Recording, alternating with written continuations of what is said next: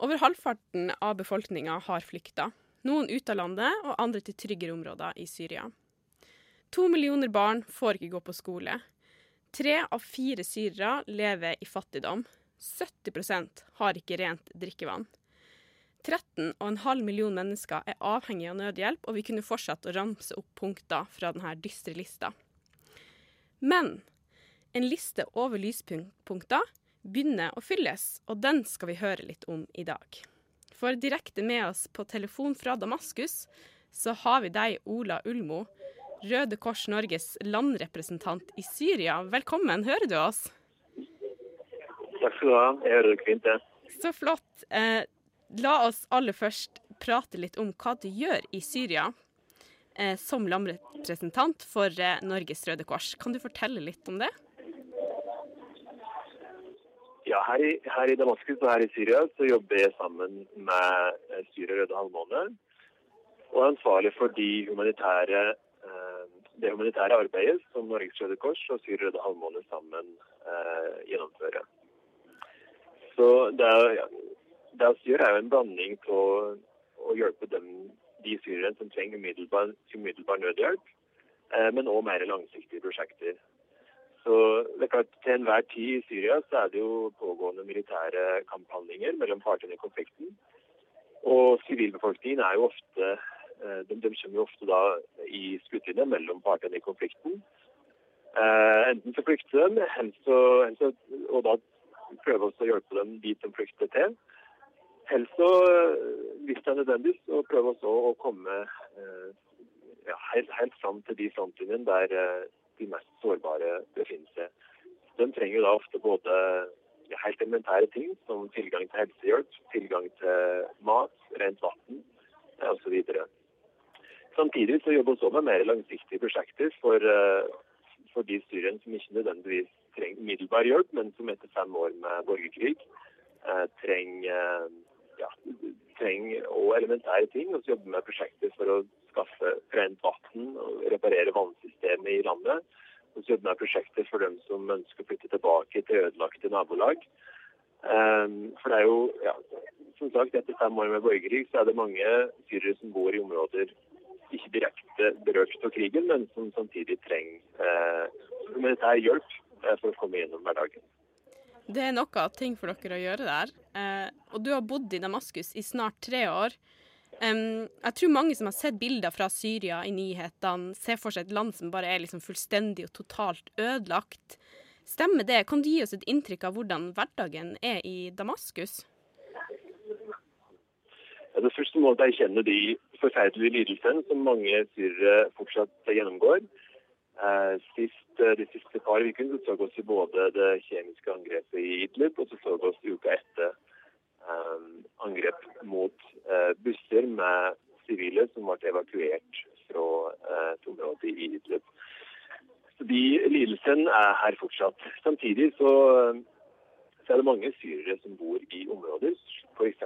her i Damaskus, som i hvert fall på overflaten føles et stykke unna krigen. Og Der går det an å snakke om en hverdag for folk, både for, for mine syriske kolleger og venner, og for oss humanitære arbeidet her. Um, det er enkelte lyspunkt som vi kan peke på der. Uh, blant annet så er det jo familier som har nå vendt tilbake til ødelagte nabolag. Uh, blant annet i de ødelagte områdene i Aleppo by. Lignende her i Damaskus, der vi har enkelte nabolag som har opplevd flere år med krig. Men der det nå er enkelte familier som har fått muligheten til å flytte tilbake. Ja, fordi at eh, selv om lista av tragedier er lang, så er du opptatt av at det også finnes noen lyspunkt. Hva er det som møter de syrerne, syrerne som vender tilbake til sine hjem nå?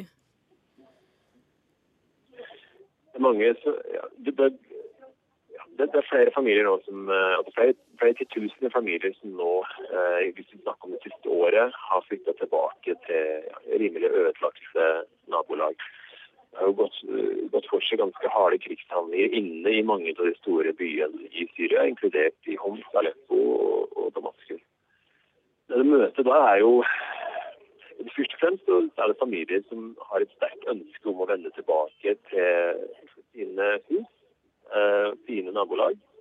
Eh, det er jo derfor de, tross at de her, ja, tross at, tross at husene deres er ødelagt, tross at de offentlige tjenestene i de her nabolagene er veldig begrensa, så ønsker de å flytte tilbake. Um, det som møter dem, er ofte uh, ødelagte hus. Noen nabolag i Aleppo, der jeg var for et par uker siden, er jevna med jorda. Det er klart det er jo vanskelig uh, for mange å flytte tilbake. Men inne i blant ruinen så, så ser du i større og større grad um, familier som har flyttet tilbake til delvis ødelagte hjem. Det som er viktig i de her uh, nabolagene, er at oss uh, som humanitær organisasjon og alle som, alle som, kan, hjelpe dem som ønsker å flytte tilbake med tilgang på vann, tilgang på helsetjenester uh, og mulighet for å forsøke å ikke gjenoppbygge, men i hvert fall restaurere de husene som er ødelagte. Hva slags framtid er det folk ser for seg når de drar tilbake til disse områdene?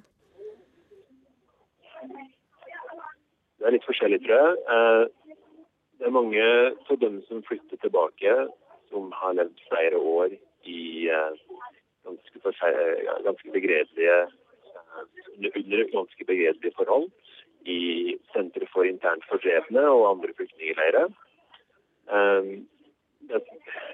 den framtida de, de, ser for seg. Um, jeg tror mange ikke har ja, de, de, har ikke sett noen av valg enn å flytte tilbake. Um, I den forstand at der de var i, i, i de siste par årene, var såpass uh, uten, uten, eget hjem, uten noen framtid i de flyktningleirene der de var, at de så alt mulig annet som en, en bedre løsning andre treffer, har, kan si de har litt mer håp for framtida. Um, de, de, de, militære realitetene i Syria har jo endret seg litt de siste par årene, der du har sett uh, ja, enkelte deler av landet uh, ha, der du har større stabilitet nå. Uh, delvis ja, på, på grunn eller fordi at det være seg det syriske regimet, kurdiske grupper eller andre, har tatt tilbake store deler av landet fra eh, væpna grupperinger, og dermed sørge for en viss sikkerhet for eh, i stabilitet for befolkningen. Der har du jo eh, i hvert fall noen av mine venner og kolleger som nå den siste, ja, den siste tida har begynt å snakke litt mer om framtida, og ikke bare om de, den begredelige hverdagen som de fortsatt lever om det. Et annet lyspunkt er at eh, nødhjelpen kommer fram, sier du. Eh, det har ikke alltid vært sånn, eller? Det har ikke alltid vært sånn, og det er fortsatt ikke alltid sånn. Ehm, men tross alt eh, så har vi opplevd den siste tida, vi kan snakke om kanskje det siste halvåret, at i, i hvert fall i deler av landet så har vi fått tillatelse fra partene i konflikten til å levere nødhjelp til dem som trenger det aller mest. Eh, Bl.a. her i eh, flere områder rundt i Damaskus.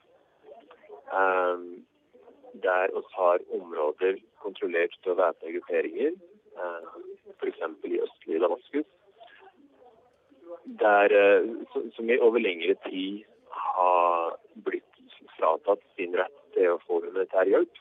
Der vi har fått tilgang til å levere Eh, at de kjører inn med, med ganske store konvoier. Det er snakk om flere titalls eh, lastebiler med nødhjelp.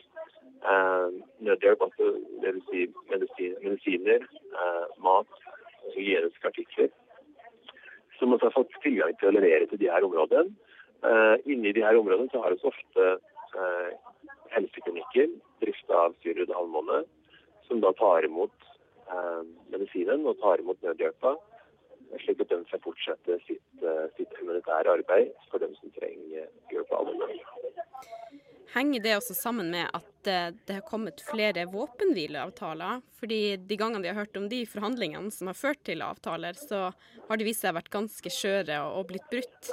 Men eh, er det også her noen lyspunkter? Ja, det er riktig. Altså, det er en viss det, det er jo mye Det er en veldig brutal krig. Og mye mistillit eh, mellom partene i konflikten. Eh, spesielt mellom de mer radikale eh, og militante grupperingene eh, på begge sider i konflikten. Men tross det så ser vi jo at eh, flere plasser i landet, eh, når partene i konflikten snakker sammen på lokalt nivå, så har de blitt enige om det være seg våpenbiler eller diverse andre typer avtaler.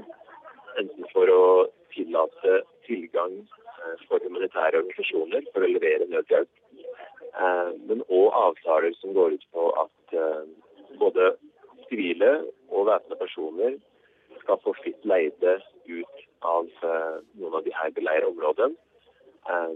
Og da i etterkant at sivilbefolkningen, enten de som ble transportert ut, eller de som ble værende i de områdene, skal få tilgang på nødhjelp. Jeg har sett bl.a. i østlige Aleppo by. Det har sett nå de siste par ukene i en bydel i Homs.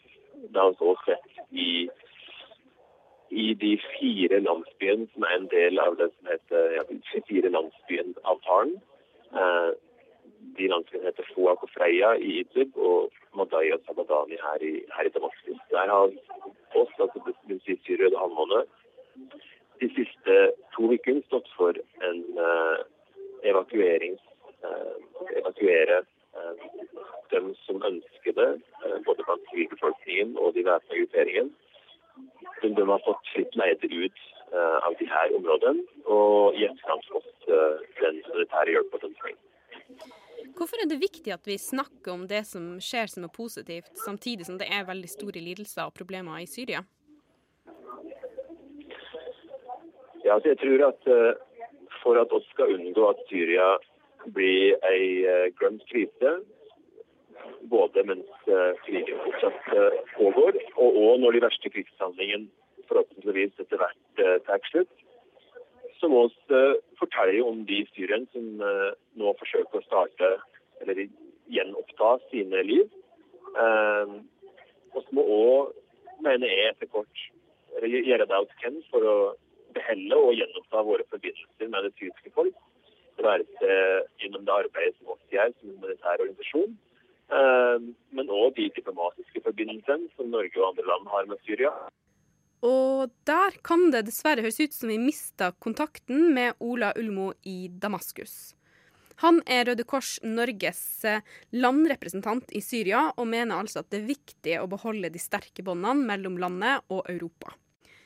I en melding i etterkant så utdyper Ola Ulmo at hvis lista over lyspunkter i Syria skal bli enda lengre, så må vi fortsette å investere i framtida i landet og i relasjon med det syriske folket.